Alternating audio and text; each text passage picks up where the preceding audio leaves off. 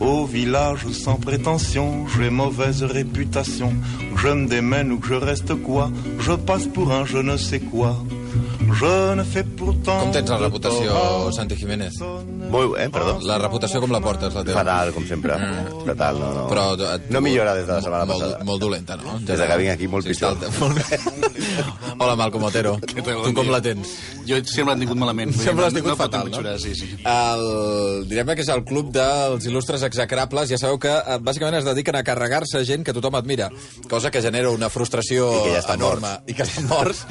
I que genera una frustració enorme una part de la població i la resta, els que ja odiaven el personatge però no tenien motius, almenys en tenen. Uh, que, va- la setmana passada, amb Gandhi, o sigui, hi va haver-hi gent que... O sigui, vau tenir com un, un duel a través de les xarxes de gent que volia matar-vos perquè eh, a Gandhi eh, Pues l'admiraven profundament Per, perquè Gandhi era la no violència. S'haurien d'aplicar- S'haurien d'aplicar el cuento. i els altres que, eh, com el Quico Sallés, consideren Gandhi un plasta i ja els estava bé. Després de passar pel sedàs dels il·lustres execrables a Shakespeare i a Gandhi, avui és el torn de Steve McQueen. Sí, sí, avui toca desmuntar el mascle alfa per, per antonomàcia. Un home que, la veritat, ho hem de confessar, eh, envegem profundament. Vull dir, Ja, bàsicament aquí hi ha una mica d'odi. Home, es va casar amb Aline McGraw i és el típic tio que arriba a una discoteca i sense dir res ja, ja, ja, ja té èxit, no?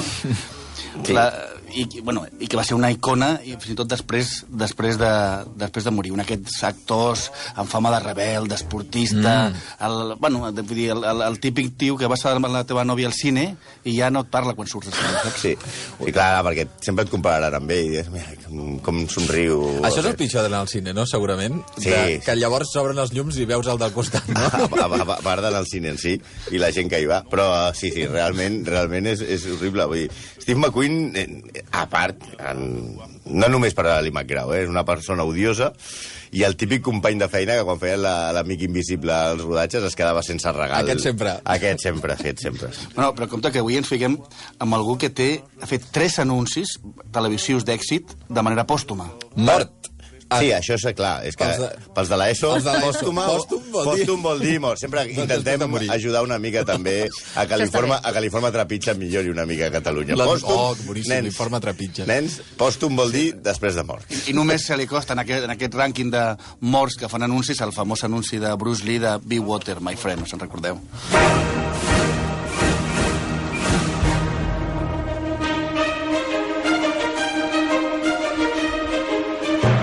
Magnífics. Que gran música d'Elmer Bernstein. Mm. Quin gran... Boníssim. Quin, pel- I la pel·lícula és un pel·liculón. 1960, John Sturges, aquí... Eh, era la pel·lícula quan, per a la gent de la, de la nostra edat, bueno, l'edat de Malcolm i meva, més aviat, eh, quan hi havia dos cadenes només a televisió Espanya, eh, la Espanya, que era Televisió Espanyola, i el UHF, que el meu habilitat era la UGT. Ves a poner niño, pon la UGT. I jo no sabia molt bé a què es referia. Eh, el dissabte a la tarda sempre feia una pel·li a l'oeste, cosa que estava molt bé, i ara fan pel·lícules de nens perduts i mm. divorcis i coses d'aquestes. Feien pel·lícules de l'oeste, i jo sempre desitjava que fessin Los Siete Magníficos, que era la meva pel·lícula favorita, tot i que per veure-la m'hagués de tragar la merda aquella de Heidi que posava Va. abans. Escolta! No, una pura merda. Vale, va. Apa, vinga! Els set magnífics, els set magnífics va suposar, la veritat, la consagració d'un actor que a la, fins a aquell moment era un actor desconegut, era un, un secundari de, de westerns de, de la televisió, que es deia Steve McQueen. Bueno, de fet es deia Terrence Steve, que seria una mena com Terence Esteve, mm. i que va arribar en aquell rodatge doncs, com una mena de Sergi Roberto de la vida, que li feia rèpliques a Yul Brynner, que de fet era el Messi del cinema d'acció dels 60, i que va sortir de la peli odiat per tothom, sense amics, però fet una veritable estrella. Però llavors el rodatge un, un drama, no? Una guerra, una guerra directament, sí? no? Sí, McQueen era un tipus que volia triomfar per sobre de tot. Eh, la televisió se li havia quedat petita. Ell feia una sèrie de televisió de l'Oest, també, en la que interpretava un caçarrecompenses, uh -huh. i es va fer molt popular. I eh, quan arriba l'opció de que el contractin per la pel·lícula dels Set Magnífics, que ja es veia que anava a ser un pilotasso quan l'estrenessin, Sí. ell volia participar com fos. Els amos de la productora de televisió eh, li van dir que no, que tenia un contracte amb la sèrie de televisió i que no podien prescindir dels seus serveis perquè la sèrie cauria. Steve McQueen va dir que ell feia la pel·lícula com fos. Eh, va agafar un avió, se'n va anar a Boston, va llogar un cotxe a l'aeroport va agafar el cotxe i es va empotrar a la façana del primer banc, eh, del banc més important, el First Boston Bank, a la plaça més gran de... i va haver de sortir amb collarín i els diaris i tal. Però això era una, era una trampa. Clar, Perdó? Ell era un grandíssim conductor, eh, sempre era un amant dels cotxes i les motos i tenia molts amics que eren especialistes, i aleshores el que va fer, va sortir d'allà amb un collaret cervical, com diu el Santi, però al cap de dos dies estava a Cuernavaca, a Mèxic, rodant la pel·li, una de les pel·lis més importants de la seva O carrera. sigui, es va fotre amb el cotxe per alliberar-se Sí, exacte, de la sèrie de la tele. Sí, aleshores el seu, produ... el seu representant va trucar al Dadi i va dir és que ja no podem gravar tots els capítols que queden perquè gairebé se'ns queda paralític. Quina manera va escacallar-se, anar. eh? El productor Tremendo, sabia eh? de què anava i li va dir aquest tio m'està fent la pirula. Li va dir sí, però ara, si vols, ara no només faràs la pel·li, sinó que, a més a més, quan torni a la sèrie li pagaràs el doble, Oh. perquè tornarà fet una estrella. Brutal. I així va ser. Eh, i, I, evidentment, la va liar... En el rodatge, moltíssim. Mira, només et diré que molts anys després, quan es recorda el rodatge de, del Set Magnífics, que, com deia el Malcolm, es va fer a Cuernavaca enmig d'un fum de marihuana tremendo per, tot, per part de tots els protagonistes, eh, Robert Bogan, que és el, el, un, un dels actors que participava, un actor consagrat, va, va dir-li un dia a, a Steve McQueen en aquella època la resta d'actors estàvem tan ocupats odiant-te que ens vas robar la pel·li sense que ens adonéssim. I James Coburn, que era un altre dels protagonistes, ho va resumir dient que des del primer dia el principal objectiu de Steve era promocionar-se i robar escenes a Jules Briner. Els hi va robar totes. Però llavors estaven enfrontats eh, Briner i Steve McQueen. Bueno, odi. O sea, Jules era una, una estrella consagrada, era l'estrella al moment, i, est- i Steve, com hem dit, era un ningú, era un trepa, disposat Era un, a tot. Era el típic trepa. Era un trepa. Era un val. trepa, Aquest és el resum. Però estem parlant d'un- rodatge que era la fira mundial de la testosterona, és a dir, Jules Brinnick, Eli Wallach, Robert Bock, Charles Bronson, James Coburn i Steve McQueen. O sigui, al seu costat, los mercenarios és mujercitas. Des del primer moment, eh, la veritat és que McQueen ho va tenir clar. Va arribar al guió, va arribar la pel·lícula amb set línies de guió i després d'emborratxar-se amb el director de fumar marihuana amb ell va sortir com a estrella de la pel·li i tots els actors l'odiaven. De fet, el deien Supi per superestrella o Dick el trampós. Mira, per, per posar-te un exemple, la primera escena que va rodar-se quan arriben a Cuernavaca és una escena que surt, la vaig estar veient l'altre dia, al minut 36 de la pel·lícula, si la Sí. voleu veure, és una escena magníficament rodada en el que els set magnífics van a cavall, creuen un riu i van tots en fila. La idea de John Sturges era primer va eh, Jules Briner i darrere tots els altres i creuen un, un, un riarol, no? I el pla havia de centrar-se en Jules Briner. Mm. Steve McQueen anava darrere. Quan comencen a rodar, a, a creuar el riu, Steve McQueen mira a càmera, mira Steve McQueen, es treu el barret Stetson, el fica en l'aigua del riu i es tira tota l'aigua per sobre de la camisa. En aqu... Ningú va pensar que aquella escena el protagonista de Jules Briner li havia robat l'escena Només amb un gest. només amb un gest. Increïble. I a partir d'aquí es va desenvolupar tota una sèrie de, de robar gestos. Ho va veure Charles Bronson, i Charles Bronson, a totes les escenes, veieu, sempre s'està descordant un, un, la, la camisa per ensenyar pectorals. Per contrarrestar. Sí, sí, és una guerra, és una guerra eh? de, Els galls. testoste de testosterona entre els set. Sí, de, de fet va crear escola, però hi va seguir, perquè Jules Briner era molt baixet, i li feien una muntanyeta de terra perquè estés, per, per, per, per posar-lo a la mateixa alçada dels altres. Sí. I aleshores a Steve McQueen li don- donava patadetes a la, a la, a la, a la muntanyeta perquè tornés a la, seva, a la seva alçada. No? O, per exemple, el, quan muntaven a cavall, que Steve McQueen ja, ja veieu que és l'home, el, el, el mascle alfa perfecte, muntava mm. cavall també perfectament, doncs sempre que muntaven a cavall sempre la, la, la passava pel, pel seu costat, l'avançava i li feia, li feia caure del cavall, vull dir, sí, sempre que podia, sempre que podia... Sí, Steve, Si Steve torneu a veure la pel·lícula, quan, quan hi ha escenes llunyanes i que ells van a cavall, veieu com sempre comença l'escena, Jules Briner, el primer del grup a cavall, i aleshores es veus, veus com el, el cabró de Steve McQueen el va tallant amb el seu cavall i fins i tot amb, el rodatge el va, el va arribar a fer caure. O sigui, se'l pixava. Se'l pixava com volia. I la tensió entre tots dos va arribar a ser eh, insuportable. Fins i tot eh, periodistes que seguien el, els, els rodatges eh, i de cinema a Hollywood es van fer, es van interessar i li van arribar a preguntar a, a Jules Briner si estava enfrontat amb Steve McQueen. Això a Jules Briner li va suposar una gran humiliació perquè ell era una gran estrella. Mm. Ell, ell, ell era un, una estrella absoluta i ell se'n va anar a parlar amb, amb Steve McQueen i li va dir, i li va dir eh, escolta, jo mai em barallaré amb un actor secundari. Ja, jo sóc una gran estrella i no em barallo amb actors secundaris. Steve McQueen, molt posat en el seu paper aquest de mascle alfa, li va dir allò de que, mira, eh, ell havia tingut una vida a reformatoris i bastant, de dir, jo ja sóc sord d'una orella, em falten dents i tinc cicatrius per tot el cos. O sigui que si vols que ens fotem d'hòsties, ens fotem d'hòsties, que tu ets el guapo i jo no tinc res a perdre.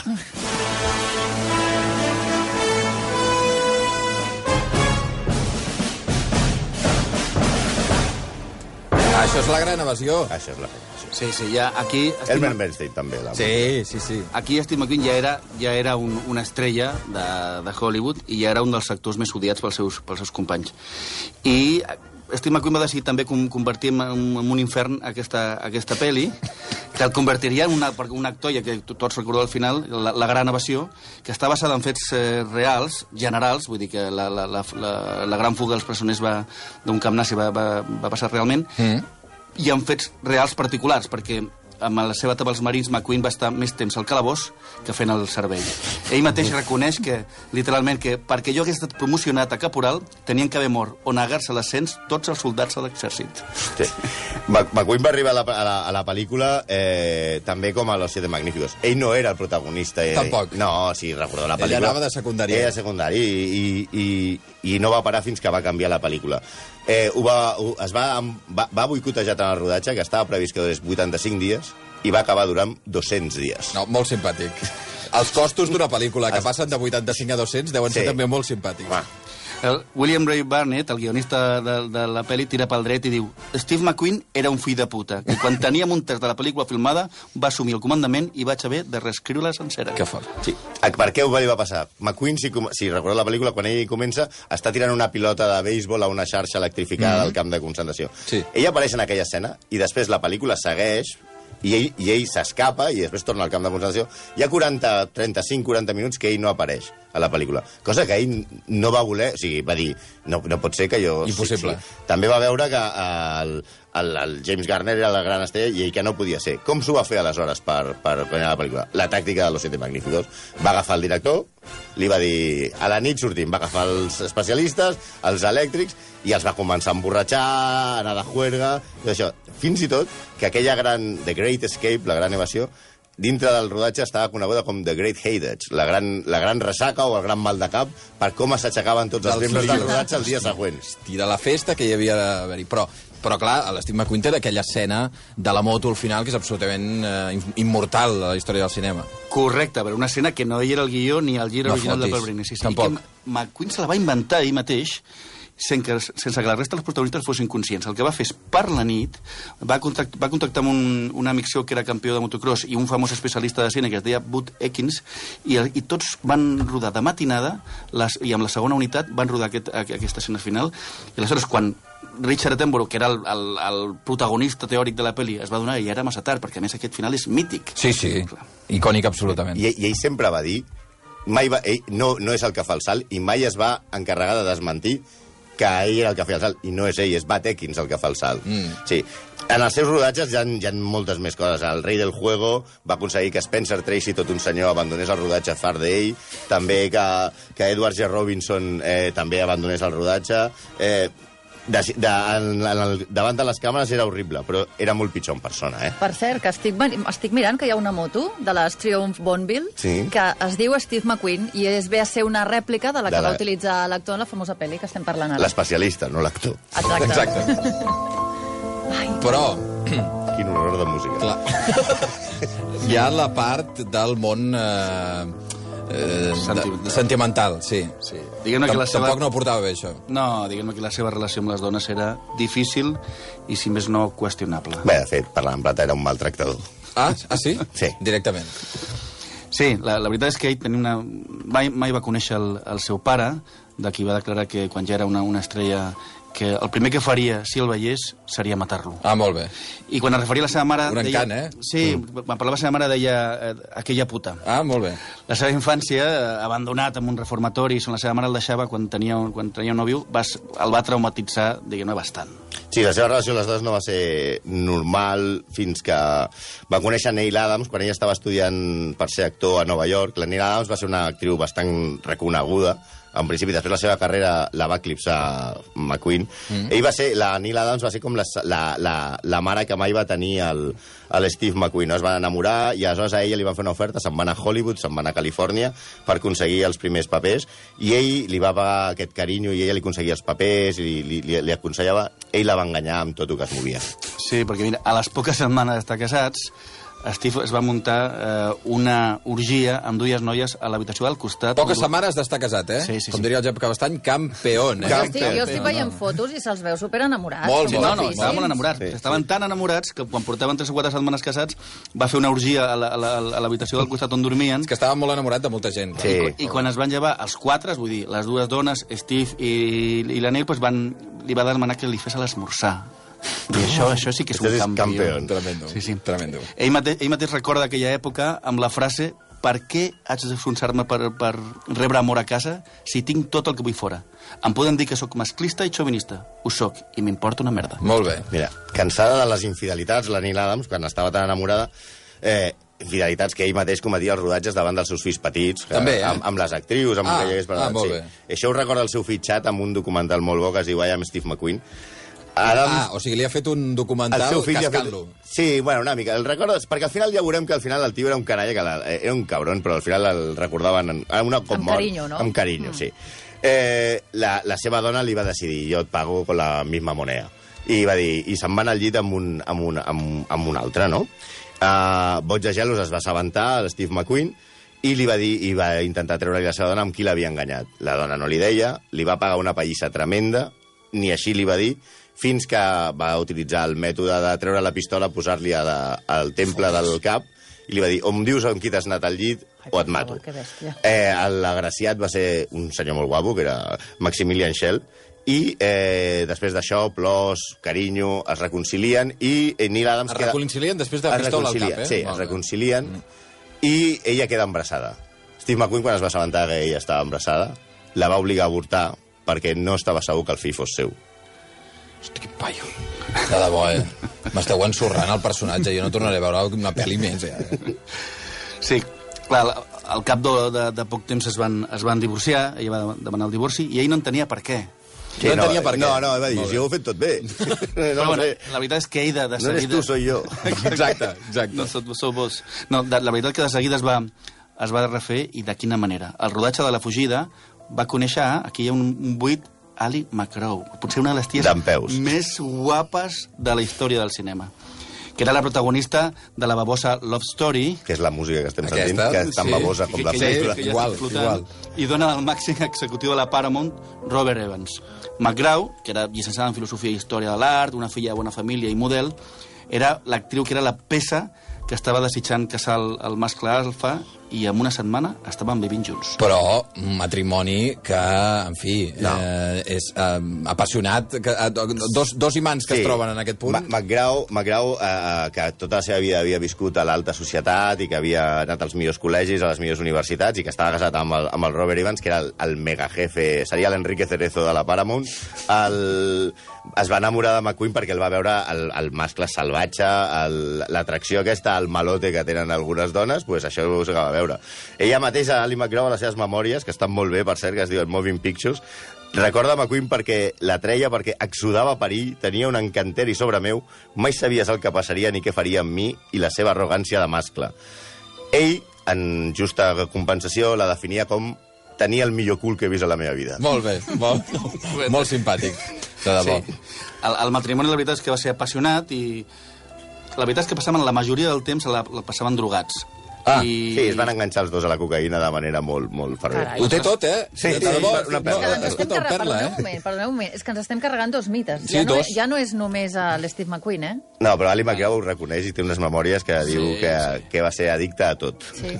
I aleshores, clar, com amb, amb, amb tantes drogues, les, les agressions no van trigar en, en arribar, i McGraw sempre recorda que McQueen la va anul·lar com a persona. La va obligar a deixar el cinema, a veure els seus amics, a freqüentar la colla de sempre...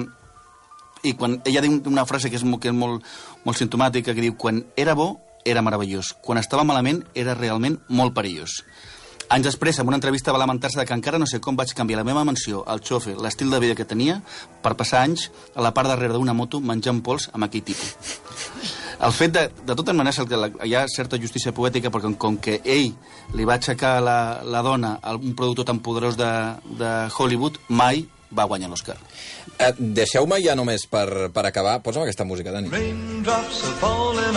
Perquè encara es va casar una altra vegada, però vull que m'incidiu, res, en un minutet, mm. perquè ens hem passat ja del 5 minuts de, de les 10 del matí, la relació amb Paul, amb Paul Newman. Sí, la relació amb Paul Newman. Paul Newman eh, Un altre guapo. un altre guapo. Ell eh, sempre havia volgut ser Paul Newman i la seva capacitat de competència amb els actors hem explicat que Steve quedava clar. McQueen volia ser Paul Newman. Volia ser Paul Newman.